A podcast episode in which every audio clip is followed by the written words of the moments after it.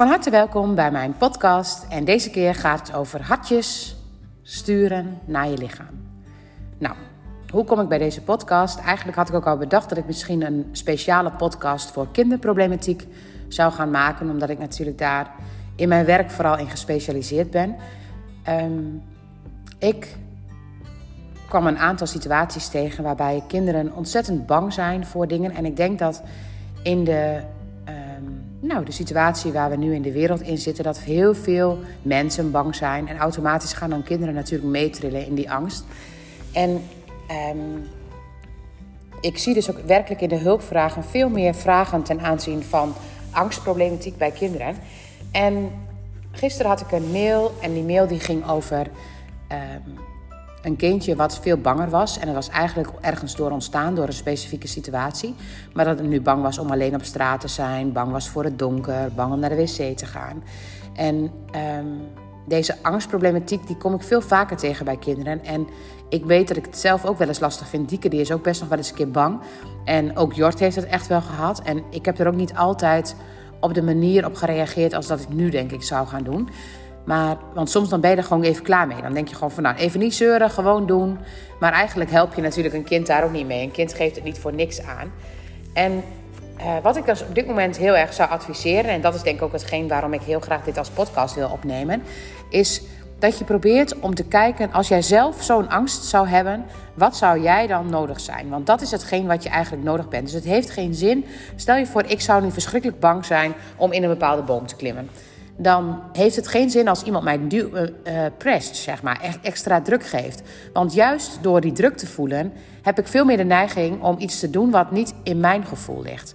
Het is belangrijk om het zo um, die stappen te gaan maken, dat je bij je eigen gevoel kunt blijven. Dat je kunt voelen wat het in je doet en dat je bij jouw eigen angst kunt blijven. En um, stel je voor, ik zou bijvoorbeeld in die hoge boom moeten gaan klimmen, dan uh, is het dus echt belangrijk dat ik niet uh, mijn hoofd uitzet en dat ik het zomaar ga doen. Maar het is juist belangrijk om te voelen wat doet het met mij. En als ik voel wat het met mij doet en als ik alle angst voel, dan voel je gewoon dat het verdwijnt in jezelf en dan wordt het steeds makkelijker om iets te gaan doen. En dat is voor kinderen ook zo. Dus het moment dat een kind een angst heeft om naar de wc te gaan, dan ga ervan uit dat een kind dat niet expres heeft. Een kind heeft die angst om naar de wc te gaan omdat het misschien een keer een ervaring heeft gehad dat het een schaduw zag in de hal. Of misschien heeft het een filmpje gezien waar je. Um, waar hij tegen, nou, tegen iets aanliep wat spannend was. Misschien een fase. Maar wat heb je dan nodig? Dat je vooral bij jezelf kunt blijven. En als je dan over iets heen moet stappen, wat we soms wel eens proberen te doen bij kinderen, dan uh, leren ze misschien wel dapper worden, maar dan blijven ze niet bij hun eigen gevoel. En hoe zou je dan een kind kunnen helpen in zo'n situatie? Nou, wat belangrijk is, het moment dat je altijd maar meeloopt aan de hand, dan los je denk ik de situatie ook niet op. Want um, dan ben je eigenlijk de hele tijd erbij en hoeft een kind ook niet te gaan oefenen met zo'n situatie. Maar je kunt wel aan een kind vragen: wat heb je nodig? Nou ja, waarschijnlijk hebben ze het nodig dat je echt meeloopt.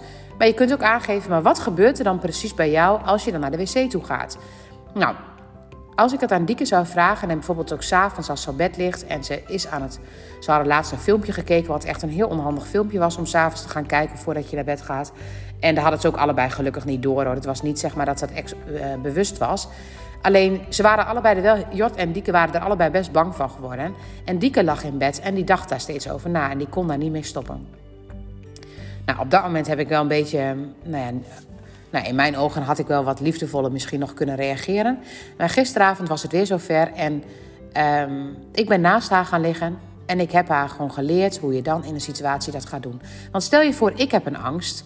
Dan ga ik Soms ben ik me niet bewust van de angst, dan handel ik al voordat ik het zelf door heb.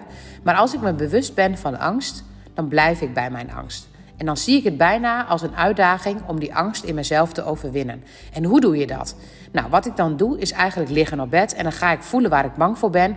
En dan voel ik in mijn lichaam waar dat iets teweeg brengt en ik blijf bij dat gevoel. Ik ga niet nadenken hoe ik eraan kom, wat ik ermee zou moeten doen. Ik denk daar verder niet over na. Het enige wat ik doe is voelen.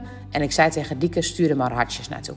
Het gaat erom, stuur er maar liefde naartoe. En het maakt helemaal niet uit wat het dan precies doet. En wat er dan gebeurt, want Dieke, ik vroeg Dieke van... nou, als je daar nou eens hartjes naartoe stuurt, naar die plek wat jij voelt... als je daaraan denkt, wat gebeurt er dan? Dan word ik weer blijer, zei ze. En eigenlijk is dat dus eigenlijk de kunst. Probeer in je, bij jezelf te blijven en probeer die angst te voelen. En voel dat die angst oplost. Want als je in verbinding blijft met jezelf, dan hoef je niet in die angst te reageren en dan hoef je ook niet los te zijn van jezelf. En als je los bent van jezelf, ja, dan wordt een angst echt een angst. Dus als je kind ergens last van heeft, zelfs als het ergens pijn heeft, dan is het een heel goed idee om een rustmoment te pakken, de ogen te sluiten en dan vragen: wat voel je in je lijf? En als je hebt gevraagd wat je voelt, waar voel je dat? En dan kun je gewoon voor jezelf kun je er ook een kleurtje aan geven. Je zou er nog een, een, een geurtje, een kleurtje, een gedachte. Je kunt er van alles aan geven. Of zie je er een beeld bij. En als je dan dat beeld ziet of als je die plek voelt, stuur daar dan hartjes naartoe. Dus ga dan vanuit je hoofd daar allemaal hartjes naartoe sturen. En als je dan even weer afgedwaald wordt naar die negatieve gedachten, dan pak je hem even terug en dan stop je hem weer in je lijf en dan ga je daar weer hartjes naartoe sturen. En op het moment dat je op die manier daarmee bezig gaat, dan ga je het loslaten. Dus eigenlijk als je kinderen hebt die angstig ergens voor zijn, stel je voor ze vinden het spannend om naar school te gaan en ze zijn ook bang om naar school te gaan. Dan is het niet goed om van tevoren al te denken als ouder van nou, we gaan het straks wel weer krijgen. Nee, dat is uit verbinding zijn. Je mag gewoon aan je kind vragen van goh, nou weet je, straks uh, hebben we weer een afscheidsmoment en Zie je er alweer een beetje tegenop of niet? En wat voel je dan precies? En blijf eens bij dat gevoel. Probeer het kind te leren hoe het bij het eigen gevoel kan blijven en vanuit het eigen gevoel het op kan lossen. Want daar leer je ze mee groeien.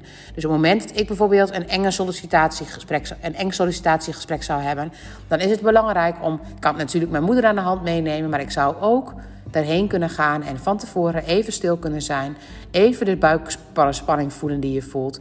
En waarschijnlijk als je het voelt, dan voel je het als gewoon zomaar verdwijnen. En juist dat gevoel, dat gevoel van uh, loslaten en ontspannen, liefde geven aan iets wat angstig voelt, dat lost het op.